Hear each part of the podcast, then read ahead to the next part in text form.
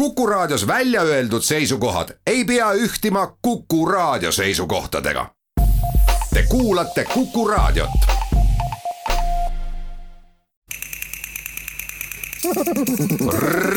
reisirada.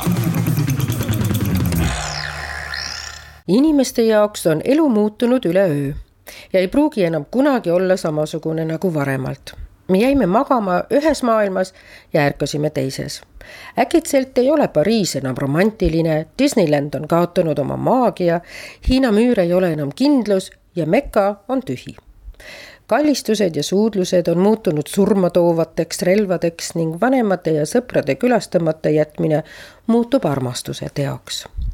järsku mõistad, et võim, ilu ja raha on väärtused ning ei anna sulle hapnikku, mille eest võitled oled vastamisi oma kõige suuremate hirmudega, kuid sageli on seal pimedas koopas, kuhu pelgame siseneda peidus kõige suurem aare. nii kirjutab Mare Voskresenski Siirak oma raamatu sissejuhatuses tervitan teid saatesse Reisirada, kus just selle raamatu kaudu saame heita pilgu erinevatele maadele, seisukohtadele, arvamustele, mis kõik puudutab meie praegust omapärast aega Läheme aga ka reisile läbi erinevate maade, milledes läbitud seiklustest sellel omapärasel ajal räägivad Ahti ja Helen. mina olen Mare Voskresenski-Siirak ja elan viimased seitse aastat äh, Norras, äh, Oslos, töötan Oslo giidina, et hästi paljud, kes on Oslos käinud, kõik teavad ja tunnevad mind ja tahavad tagasi tulla, sest sest minu giiditöö on selline, et mulle nagu meeldib rääkida asjadest, mis inimestele on huvitavad. et mitte ma ei tapa ekskursioonigruppe aastaarvude ja arhitektide, ammu surnud arhitektide elulugudega. aga mitte ainult giid, vaid ka Norra-Eesti ma olen ka Norra-Eesti Seltsi aseesimees, Norra-Eesti Selts on kõige vanem selts üldse maailmas mis loodi kaheksakümnendatel aastatel, kui Eesti oli veel raudse eesriide taga. ja Norra-Eesti Selts ühendab norrakaid, kes on huvitatud Eestist ja Eesti kultuurist. ja hästi põnev on jah, Eestit tutvustada Norras.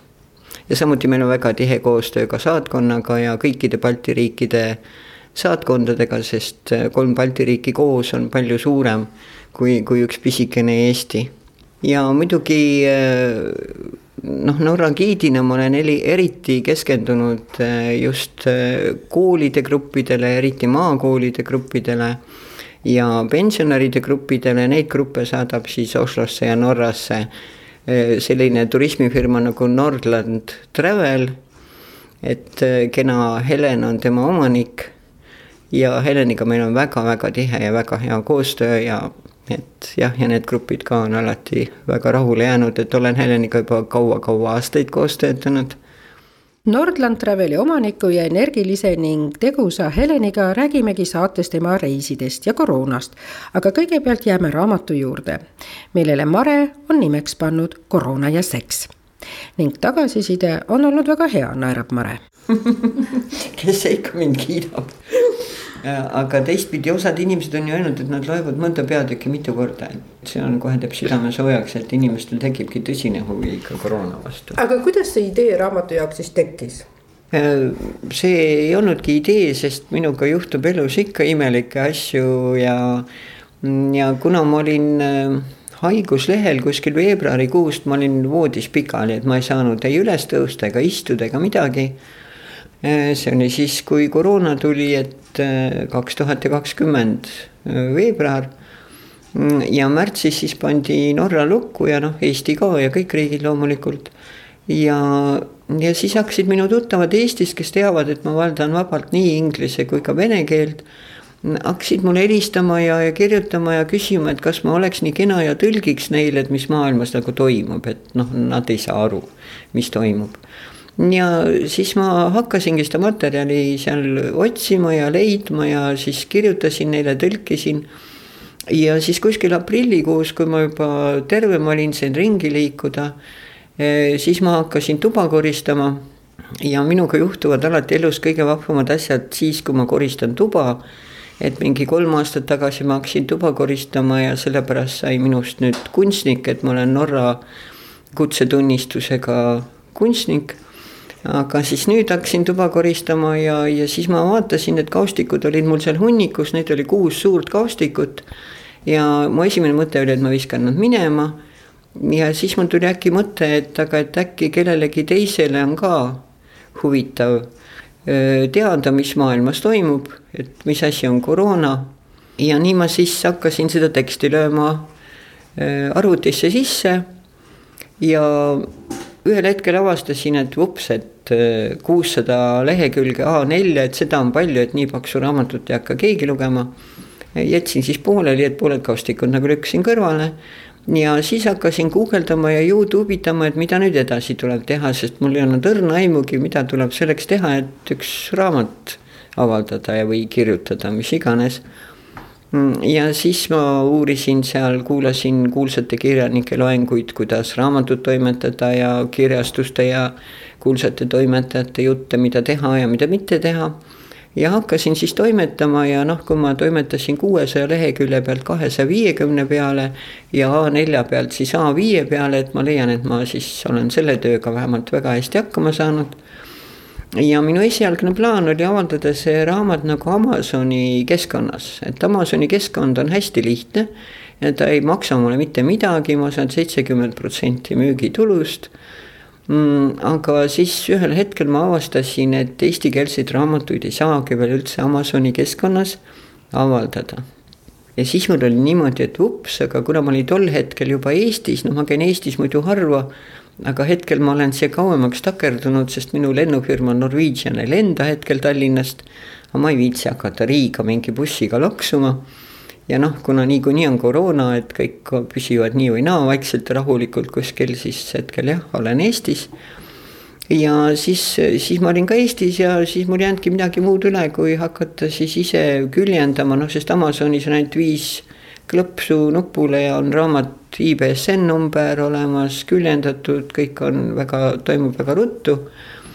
Mm, et siis siin IBS äh, või selle jah, B-numbri, noh, selle sain nädalaga kätte ja siis õppisin selgeks küljendamise ja siis jälle guugeldasin, Youtube itasin ja siis seitsmendal katsel, küljendatud oli, mulle tundus, et see on, näeb täitsa raamatu moodi juba välja siis ma otsisin trükikoja ja siis raamatukauplused, hakkasin nendega läbirääkimisi pidama. ja raamat oli trükis. Äh, kui siis ma sain kirja Rahvaraamatu äh, kaupluselt, et äh, minu raamat on Eestis keelatud ja seda ei tohi müüa. ja siis ongi nii, et, et ongi nüüd keelatud raamat.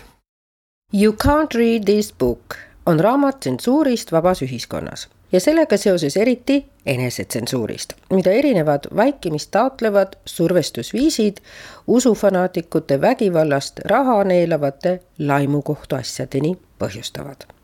Seda võib soovitada igaühele, kes on sõnavabaduse problemaatikast ja ka sõnavabaduse kui demokraatliku ühiskonna vältimatu alustala säilitamisest huvitatud. nii tutvustas Ivi-Anna Masso raamatut ajaleht Diplomaatia artiklist Nähtamatu tsensuur jah, ma nagu sain aru, et Eestis ongi tsensuur ja, ja kuna ma Eesti uudiseid eriti ei jälgi, ma mäletan, et ma kuskil nägin äh, mingil ajal, et, et president käis ringi mingisuguse vahva pluusiga, kuhu peale oli kirjutatud, et sõna on vaba. ja, ja noh, ma ei osanud nagu sellist asja oodatagi, et Eestis on nii karm tsensuur äkki tekkinud. et noh, kõige naljakam, siis ma juba naersin ikka suure häälega, oli see, kui ma helistasin ühte firmasse, Pakipoint, et uurida võimalusi, et, et noh, kui raamatupoes nagu raamatut müüa ei saa, et äkki ma saan soovijatele seda postipakiga saata. Eh, siis eh, firma omanik, olles kuulnud, mis on raamatu pealkiri, et koroona ja seks, ütles, et ei, et tema firma eh, selliseid raamatuid isegi pakituna postipakis edasi ei saada reisirada. kasutan veel kord raamatut You can't read the book autorilt Nick Cohen, kus ta oma raamatu lõpus annab tosin konstruktiivset nõuannet vaba sõna toetavatele kodanikele ja kirjutab selgelt, loogiliselt ja vaimukalt ja argumenteeritult, mis teeb teose rohkemaks kui lihtsalt infoallikaks sellest, millised on vabades ühiskondades sõnavabaduse piirangud. see kutsub lugejat järele mõtlema, kus on tänapäeval demokraatia nõrgad kohad ja õpetab vabaduse tingimustes laisaks läinud kodanikke ära tundma katseid vabadust alla suruda.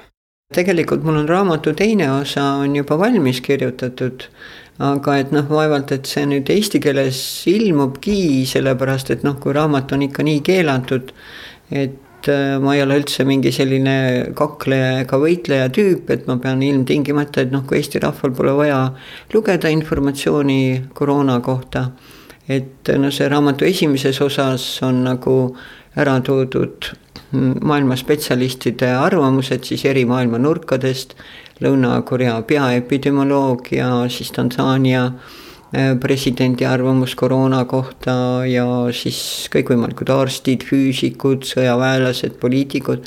et selles mõttes seal raamatus esimeses osas ma nagu üritasin näidata siis seda koroona suurt pilti ja lisaks, kuidas siis koroonaga nagu hakkama saada ja raamatu teine osa oli mul noh, tähendab, ongi juba valmis, aga et eesti keeles ta vaevalt et ilmub, et äh, selles mõttes mul ei ole mõtet panna oma isiklikke vahendeid äh, nüüd raamatu sisse, mis ilmselt saab olema keelatud. selles mõttes jah, et muidugi teisest osast kaks olulist peatükki saavad ilmuma Amazon.com'is seal ma avaldan inglise keeles, siis need osad, noh, koroonaraamatu teine osa nagu keskendub teemale, kuidas minna edasi või mis tuleb peale koroonat. ja siis üks osa puudutab krüptovaluutat ja see on lahti kirjutatud nii, et iga lihtne inimene ka saab aru, mis on krüpto, kuidas tekitada neid rahakotte, kuidas tegeleda seal krüptoturgudel ja kuidas oma raha siis pärast tagasi saada. et see on niisugune õpetus täiesti lihtsale inimesele et see kindlasti ilmub inglise keeles. ja teine ingliskeelne siis, mis ilmub, on kanaldamise peatükk, et äh, paljud inimesed ei tea, mis asi see on. aga noh, Eesti inimesed, äh, metsarahvas ja, ja tegelikult äh, iga inimene alateadlikult kasutab oma elus kõikvõimalikke noh, nii ma ei teagi, kuidas neid eesti keeles kutsutakse, mingid esoteerilised tehnikad või mis iganes. et et eh, noh, see, see, sellest võib väga pikalt rääkida, et ma seda nagu nii pikalt praegu siin ei puudutaks. aga et põhimõtteliselt raamatu teises osas on siis ka nagu need eh, tehnikad, mm, kuidas siis koroonaga nagu kergemini hakkama saada ja, ja jah, kuidas oma eluga õnnelikult edasi minna millised seisukohad erinevatel maadel seoses haigusega on olnud, on huvitav jälgida nii käisid läbi meedia ka soovitused USA presidendilt Trumpilt. Ida-Aafrika maal Tansaanias soovitas president Magufuli palvetada jauruvanne teha minu Tansaania kaasreisijad koroonaeelsest ajast informeerisid hiljuti, et juba üle kahe nädala pole teda avalikkuses enam näha olnud. ja Twitteris on vaikus. nii nagu kirjutas Keenia ajaleht Nation, turvavad pealinna erahaiglad presidendi turvamehed ja esmaspäeval maandusid kaks lennukit Tansaaniast sealhulgas Amref Air Ambulance, mis jätab ruumi spekulatsiooniks. Brasiilia president on nimetanud valitsuse liikmeid, kes kutsuvad üles koroonavaktsiini ostma lihtsalt idiootideks. mida, kus keegi on arvanud, seda saab raamatust lugeda. noh, Apollo raamatupoes on ta muidugi saadaval hetkel Mm, aga et, et selle kohta jah, et mida Tuneesia president, kuidas tema koroonaga hakkama sai või Madagaskari president. Et äh, seda saab kõike nüüd raamatust lugeda, et ka mul on seal ka astroloogide arvamused koroona kohta.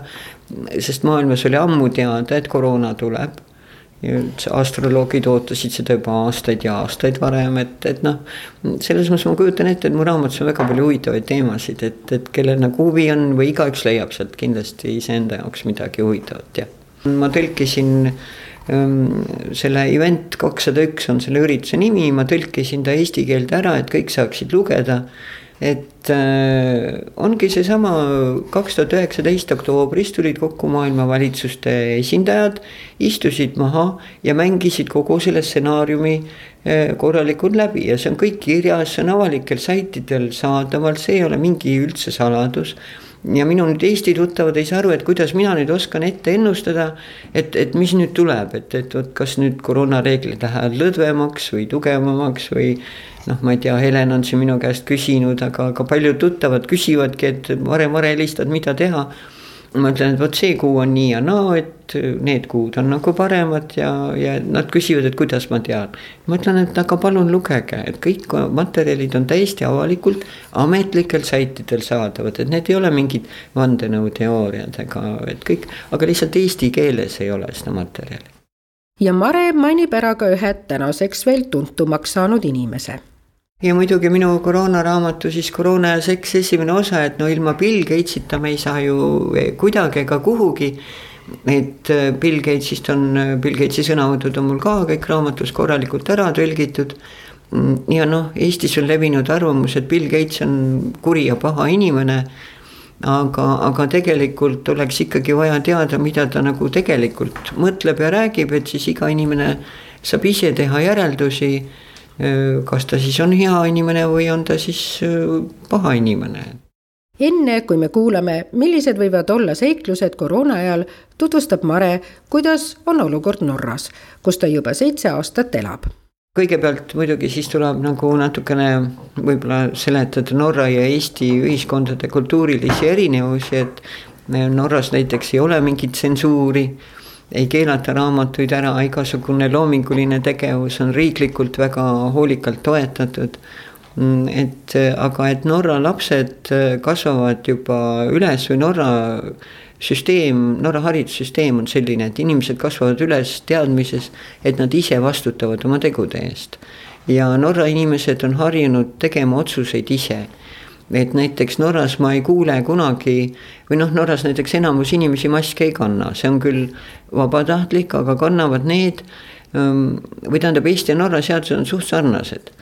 aga Norras kannavad maske need, kes tunnevad, et neil on vaja maske kanda ja näiteks kui alguses koroona tuli, siis ma panin tähele, et maske kandsid hiinlased et ma ei tea, neil oliks mingi süütunne või, või harjumuses, sest Hiina kultuuris pannakse kohe mask ette niipea, kui on epideemia, sest. sest seal on ju epideemiad, seal on need viirused palju kangemad, nad on veel muteerumata. Mm, et äh, tagajärjed raskemad, elanike tihedus suurem, et Hiinas on ju maski kandmine väga loomulik tegelikult. aga Eestis on jah, see maski kandmine, see on noh, Norras ma ei kujuta ette, et mõni inimene süüdistaks valitsust selles, et ta on nohu saanud või haigeks jäänud. mis on Eestis täiesti tavaline, ma olen lugenud siin Eesti uudiseid Eestis viibides, et. et see on täiesti tavaline, et Eesti inimene süüdistab valitsust, et tema nüüd jäi haigeks, naabrimehel ei olnud maski ees. et äh, Norras nagu sellist suhtumist ei ole. ja, ja need Norra ja Eesti reeglid on päris sarnased, ma ütleks, et Norra riik on lihtsalt veidi kõvemini kinni pandud. Mm, aga Norras on näiteks üle viie inimese ei tohi koguneda. kui on kogunenud kuus inimest ja kui sellest keegi teada saab, siis igaüks saab trahvi kakskümmend tuhat Norra krooni. ja kui rikkumine siis äh, toimub nagu pidevalt, siis tuleb minna lihtsalt kuueks kuuks vangi. et see on nihuke ja kuna kõik teavad seda ja kuna kõik on tegelikult harjunud, mida Norra valitsus ütleb, seda Norra kodanik teeb. et soovitati sel suvel mitte välismaale reisida, norrakad istusid kõik korralikult kodus. aga kellel väga oli vaja reisida, seal vanad kondid vajasid äh, Tenerifel merevees leotamist, läksid Tenerifele, et, et seal ei ole nagu nii, et äh, naabrid omavahel seal kaklevad või et, et Norra, Norra on selline jah, väga avatud ja sõbralik ühiskond, et ja Eestis on näiteks ju niimoodi, et keegi tuleb Eestisse, on kümme päeva karantiini. noh, siis see inimene otsustab ise, et kas ta on karantiinis või ei ole karantiinis, aga reeglina ega eriti palju vist ikka ei ole. Norras oli ka seesama, et kümme päeva karantiini. aga kuna Norras on ka hästi palju inimesi immigrantide seas, kes ei saagi üldse aru, et kuskil mingi koroona on. või siis äh, noh, seal jah, inimesi on igasuguseid, et ikka rikutakse karantiinireegleid. Mm, ja nüüd on siis garanteeri-, selle võrra nagu valitsus keeras kraadi kangemaks. ja nüüd on, et kui sa piiri, piiri peal juba ei suuda tõendada, et sul on olemas omaette elamine, mis on siis, sul peab olema omaette duširuum, köök ja internet ja siis muidugi tuba. ja kui sul seda ei ole, kui sa seda kas jagad kellegagi või siis sa pead minema karantiinihotelli eh, kümneks päevaks, mis on siis viissada Norra krooni päev. et äh, muidugi tingimused on seal väga head, äh, kolm kord päevas seal toitlustamine. aga inimesed, näiteks turistid Venemaalt, kes tulevad, nad nagu noh, mõtlevad nagu Vene moodi. et üks tütarlaps tuligi kohtuma oma noormehega Norrasse. Siis maandus, kohe lennujaamast läks ta karantiinihotelli, sellepärast et noormehel ei olnud nii suurt korterit kahe eraldi vannitoa ja köögiga, kuhu tütarlast majutada. Mm, ja siis tütarlaps oli kümme päeva karantiinihotellis ja siis tal jäigi ainult üks päev olla koos oma äh, poissõbraga. Ja siis ta muidugi seal hotellis avaldas siis videosid internetis, kus ta siis kurtis, kuidas tema vene must kalamari läks halvaks ja ta pidi selle kõik ise ära sööma.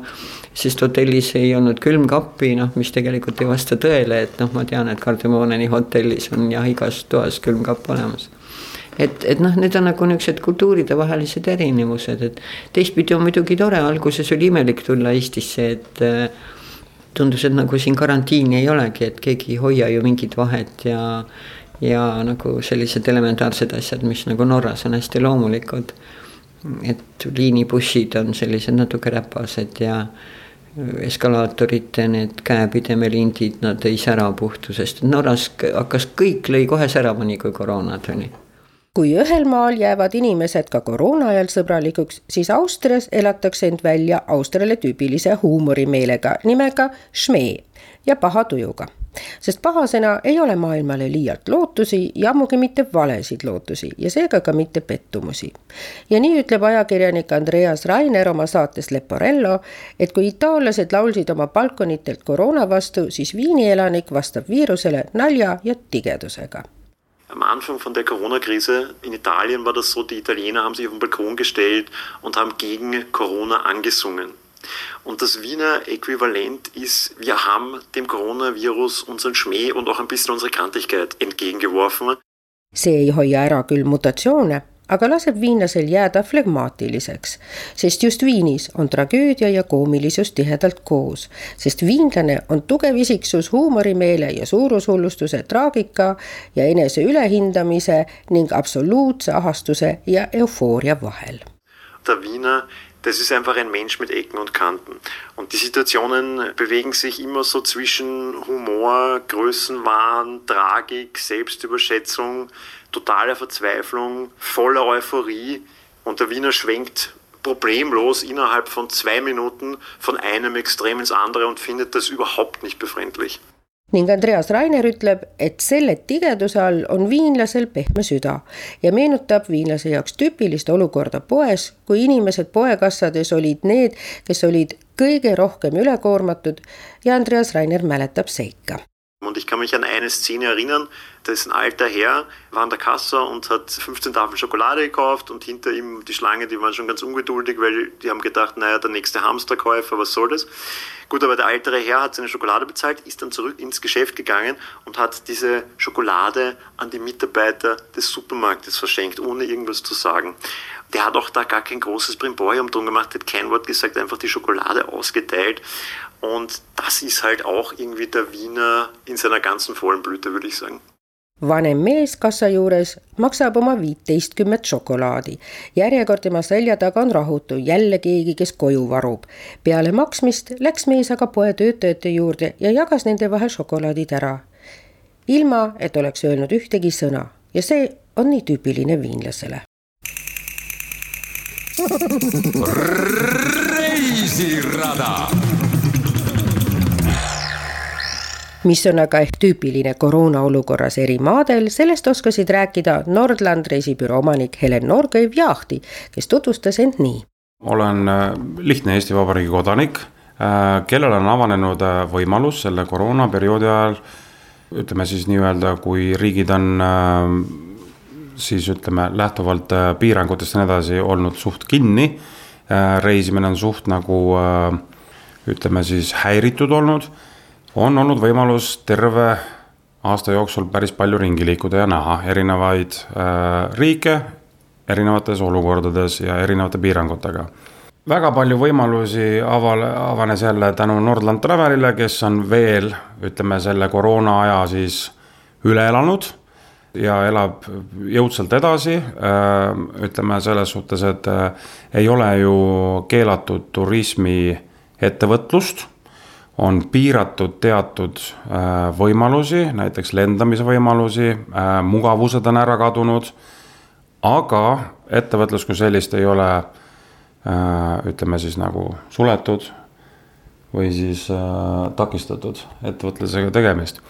Äh, oleme käinud siis koos elukaaslase Heleniga läbi peaaegu kõik Euroopa riigid ja isegi Aasiasse Türki satutud siin ütleme detsembrikuus, jah, sai Türgis käidud. ja mis peaks mainima, on vist see, et et äh, ütleme, kui ma olen varasemalt reisinud ja nüüdsel ajal, siis kui nüüd päris aus olla, siis ma nagu mingeid takistusi eriti ei täheldanud, kui. et takistused, kus ma täheldasin, need olid äh, Läti piiri peal meil, kus nõuti seda kuukoodi. Äh, õnneks meil oli kodutöö tehtud, jälle ütleme siin Nordland Travelis on sellised asjalikud inimesed tööl, et äh, nad lihtsalt ei mõtle ainult selle peale, et saaks inimese reisile saata. Äh, vaid mõtlevad ka selle peale, kuidas see reis sujub, et selles suhtes äh, mind ikka päris hästi hoiatati ette, kus, mis mind ootab ees. ja ütleme, see reis sujus selles mõttes hästi nagu.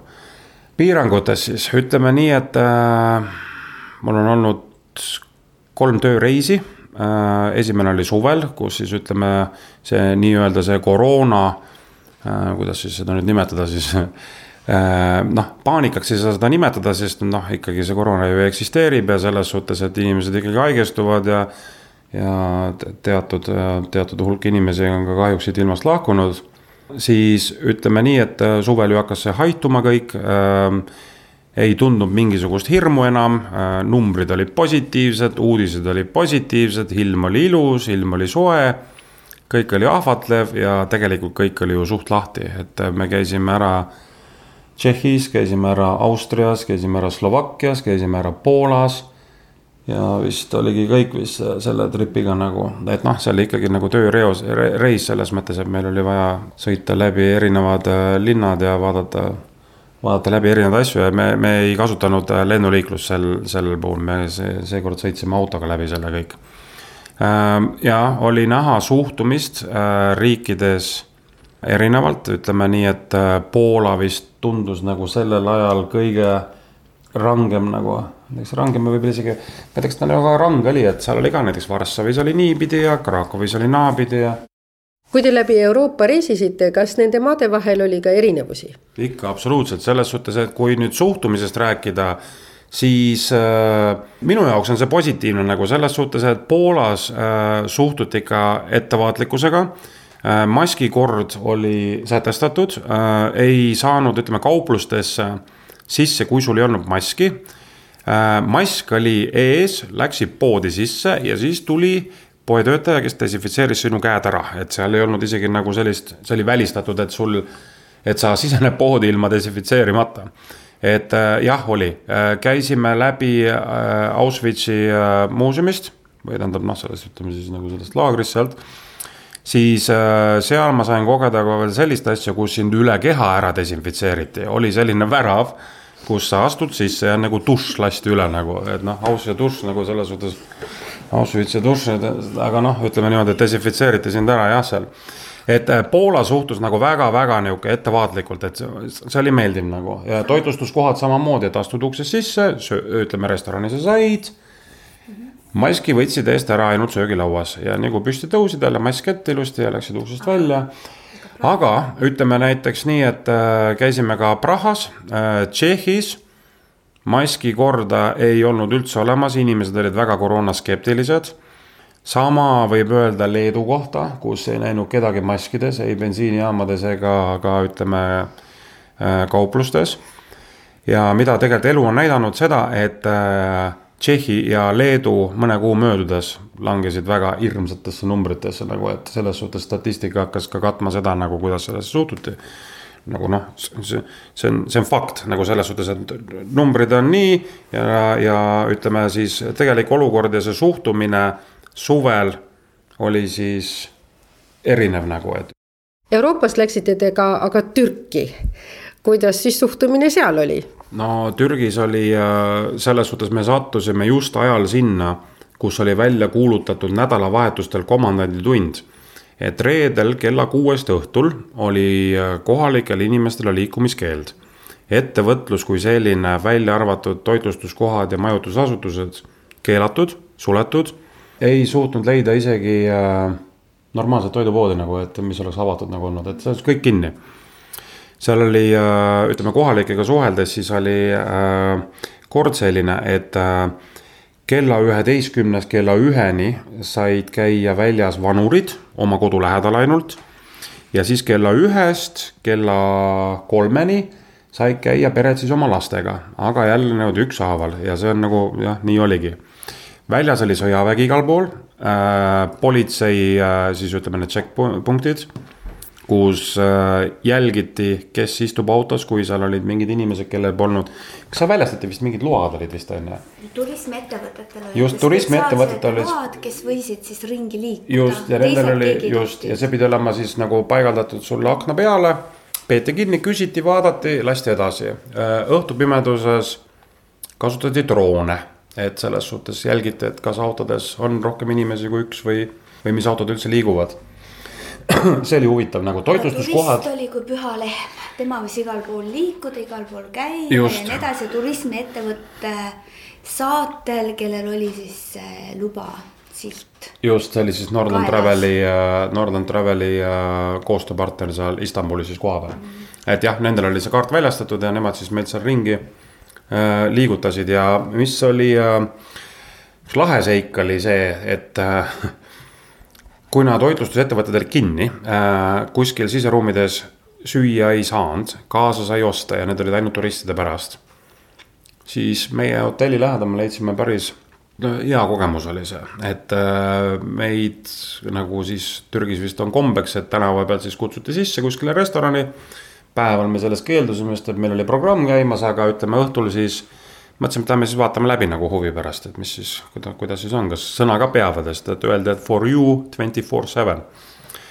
ja läksime sisse ja kusjuures jah, uhke restoran, punane vaip trepist üles, läksime sisse, nägime, et kaks mingit vanahärra istuvad seal ja rohkem inimesi sees pole ja tundus kuidagi niisugune nagu kahtlane. esimesele korrusele. jah, esimesel korrusel täpselt jah, et täitsa tühi saal ja kaks vanemat härrat istuvad laua taga ja joovad lihtsalt tassi teed ja ajavad juttu paberite hunniku taga. muusika käib. Aga muusika mängib ja siis äh, meid juhatati teisele korrusele läbi trepi ja seal oli rahvas pungil. selles suhtes mitte pungil nagu selles mõttes, et nagu, et ei saanud istuda ega astuda.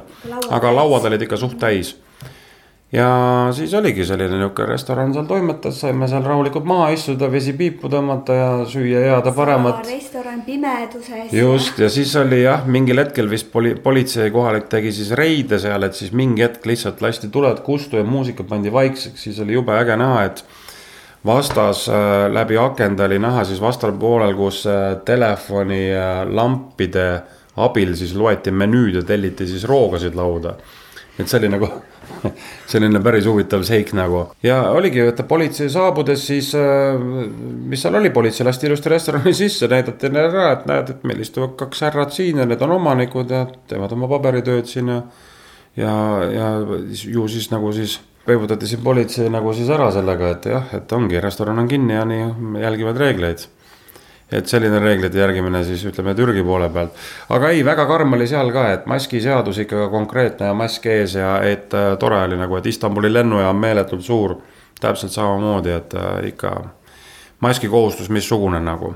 ja restorani sees, järgmises restoranis, pastarestoranis no, pastat süüa ei tohtinud peremees viis siis sinna restorani taha, kuhu oli pandud see äh, väikene laud, laua taga olid äh, ebaproportsionaalsed toolid, väikesed, prügikast suur kõrval, kassid jooksid ümber.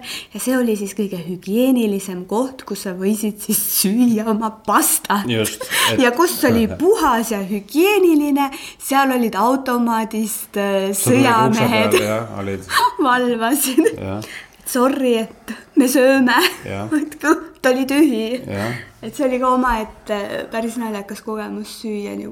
jah, kuskil, ütleme nii-öelda jah, põhimõtteliselt prügikasti kõrval tagalaos nagu jah, nii, nii ta oli nagu, aga, aga Anki turism on, nagu sa ütlesid, püha leht mm. -hmm. ja võimaldati see võimalus meile ja oli väga noh omamoodi söögikohti oli seal nagu sellel samal tänaval veel hulgim, kus oli siis kangi alla prügikastide juurde pandud see laud ja igal pool keegi nusi, nosis, nosis süüa ja. salaja. just, et selles suhtes kogemus missugune nagu aga noh, jah, ütleme Istanbulis esimene, esimest korda elus ja nihuke väga lahe kogemus nagu teistmoodi.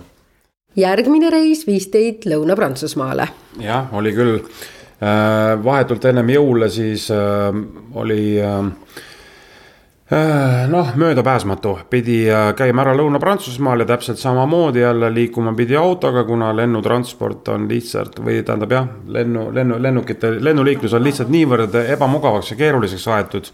et äh, olime kohustatud liikuma autoga, nüüd ütleme äh, Äh, alustame siis noh, Leedu väga range, et Leedus äh, ütleme, numbrid on olnud väga niisugused, äh, ütleme siis nagu noh, täitsa kosmilised, et seal ikka sur-, suri juba ikka väga suur number inimesi päevas ja nii edasi, et statistikat vaadates siis ikka nagu kohutav.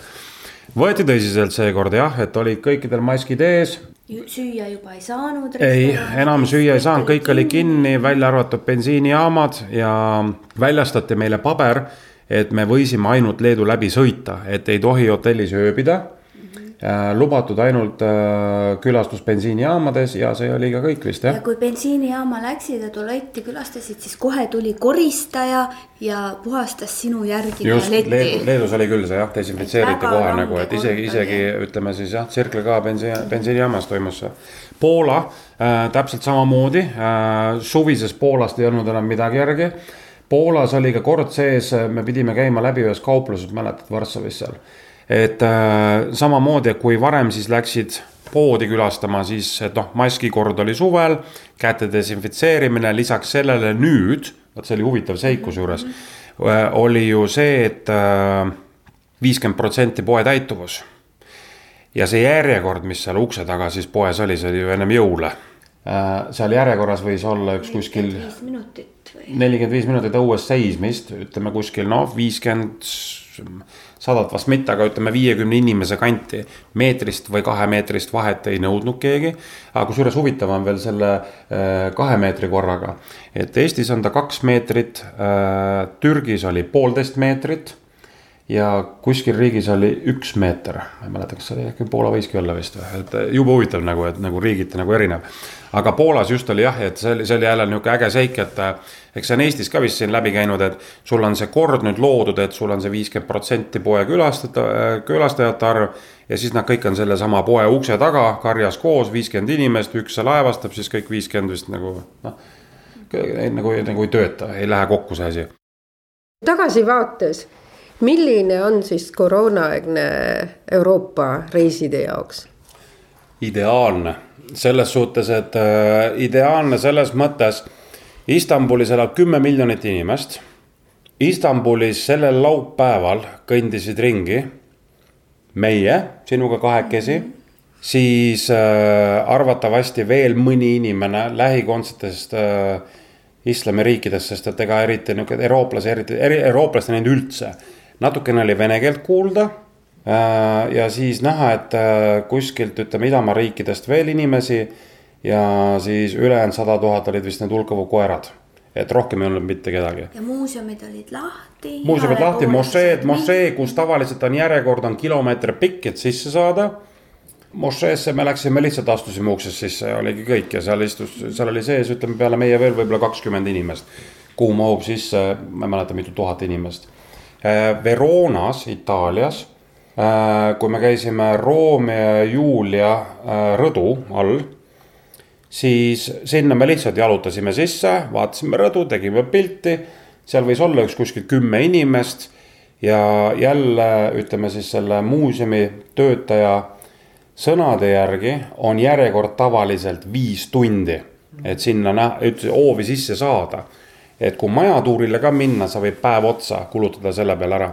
me jalutasime lihtsalt sisse ja välja, et selles suhtes nagu äh, autoga liikumine väga hea äh,, ummikuid väga vähe Prahas oli samamoodi, kui me seal vanalinnas olime mm., siis kohe meie esindaja ütles, et meil veab, et saame kõik kiiresti ja mõnusalt. et veab, et meil on Covid, sest et äh, kõik läheb sujuvalt ja mugavalt ja kui küsisin, kui hull see asi teil siis on. siis ta kehitas õlgu ja ütles, et tema ei tea ühtegi, kes on haigestunud ja tema sellesse ei usu äh,. ei, ei tea, Tšehhi numbrid tegelikult olid nagu halvad, ütleme vahetult pärast meie käiku pandi ju tegelikult Tšehhi lukku. kuna siis räägiti ju nakatumisnäitajast äh, kakskümmend kuus koma seitse, siis läheb riik lukku. tänasel päeval me räägime tuhat nelisada nakatumisnäitajat nagu saja tuhande kohta et siis oli kahe koma kuue koma seitsmega.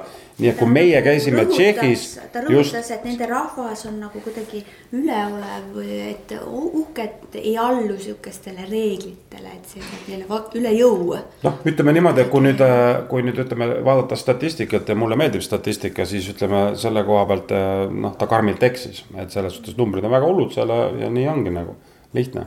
ja ütleme, vaata noh, inimesed on skeptikuid leiab selles mõttes nagu äh, siitpoolt ja sealtpoolt.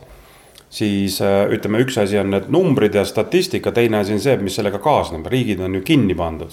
riigid pannakse kinni ja ütleme noh, sama on ju Eesti kohta, et selles suhtes nii kaua ju maski ei kantud, nii palju äh, äh, eirati reegleid, kuni saadi karmid reeglid endale peale ja nüüd noh.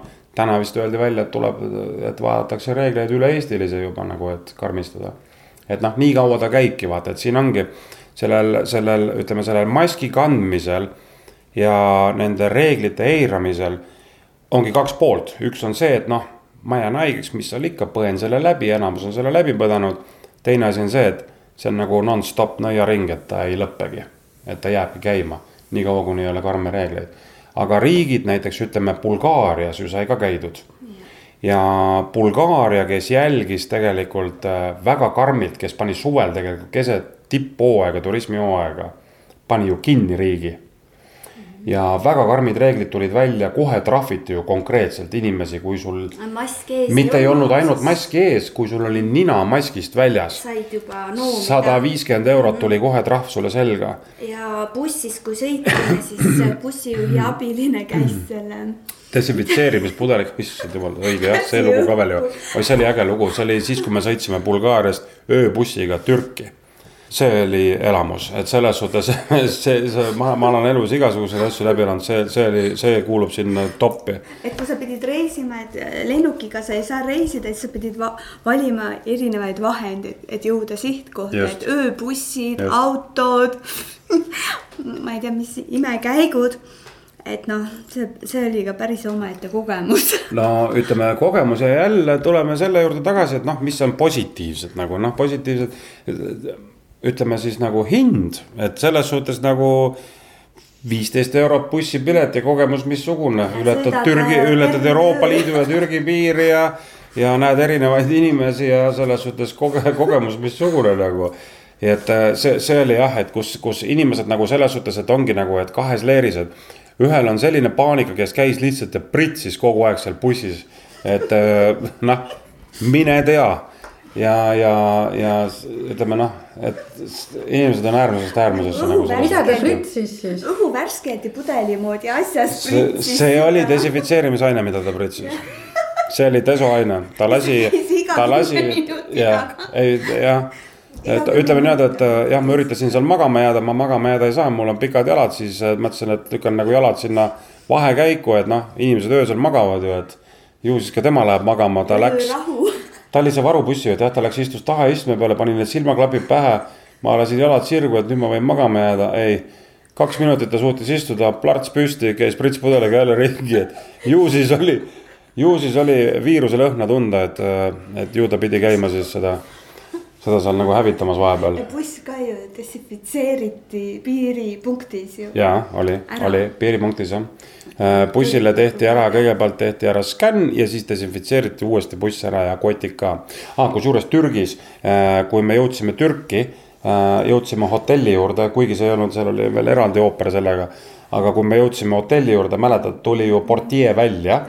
Äh, kell oli pool kuus hommikul, portjee tuli välja, esimene asi, mis ta tegi, ütles tere. ja teine asi, kohe sekund hiljem desinfitseeris meie kohvri ära. ja kui kohver oli täiesti ära desinfitseeritud ja mitte niimoodi, et lapikesega teeb käe, ei, ta pritsis selle kohvri lihtsalt kokku keemiaga. siis võttis selle kohvri ja läksime alles hotelli sisse, siis me olime teretulnud, aga me olime desinfitseeritud põhimõtteliselt on jah, koroonaga ongi niimoodi, et, et sa kas reisid ringi või, või istud ühe koha peal, et vahet ei ole. et koroona on ikkagi igal pool olemas. ja tegelikult see on iga inimese enda teha siis, kui palju ta võtab seda hirmu tunda, kui palju ta noh, selline hirm, hirmu ei ole tegelikult olemas, ta elab ainult meie peas et kui me võtame julguse oma hirmudest läbi minna, siis tegelikult me jõuame palju põnevamatesse ja toredam-, toredamatesse paikadesse, mulle tundub nii saate tehnilise külje eest vastutas Veiko Rebane.